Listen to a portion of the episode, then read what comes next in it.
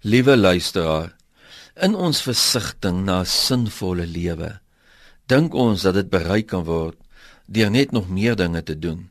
Hoe meer gejaagd ons lewe is en hoe meer dinge ons kan aanpak in ons lewe, hoe groter is die kans dat ons ons lewe as vervuld of betekenisvol kan beleef.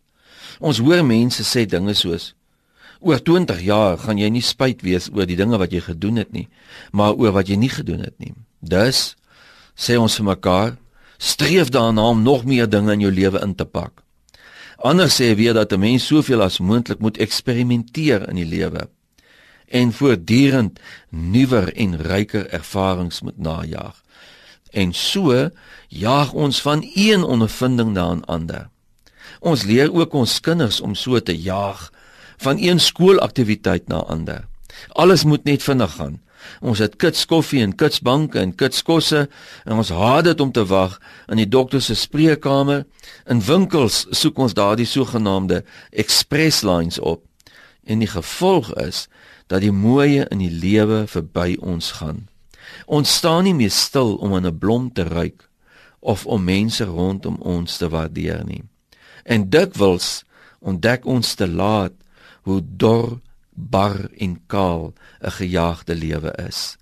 Om waarlik sinvol te leef is om ook gereeld uit die bewegende baan van die lewe te klim en vir tye tot stilstand te kom. Dit is goed om ook in die aand soos nou net vir 'n oomblik stil te word en na te dink oor die lewe en oor God. Ons kan nie ons geestelike lewe ook met hierdie spoed leef nie.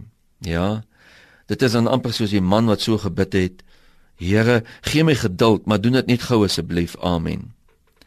In die geestelike sweer van die lewe word ons dikwels opgeroep om stil te word en te wag op God. Die skrif sê: Dit is goed om geduldig te wag op die hulp van die Here. In Psalm 130 sê die psalmdigter: Ek stel my vertroue in die Here. Ek vertrou op hom. Ek wag op die vervulling van sy woord.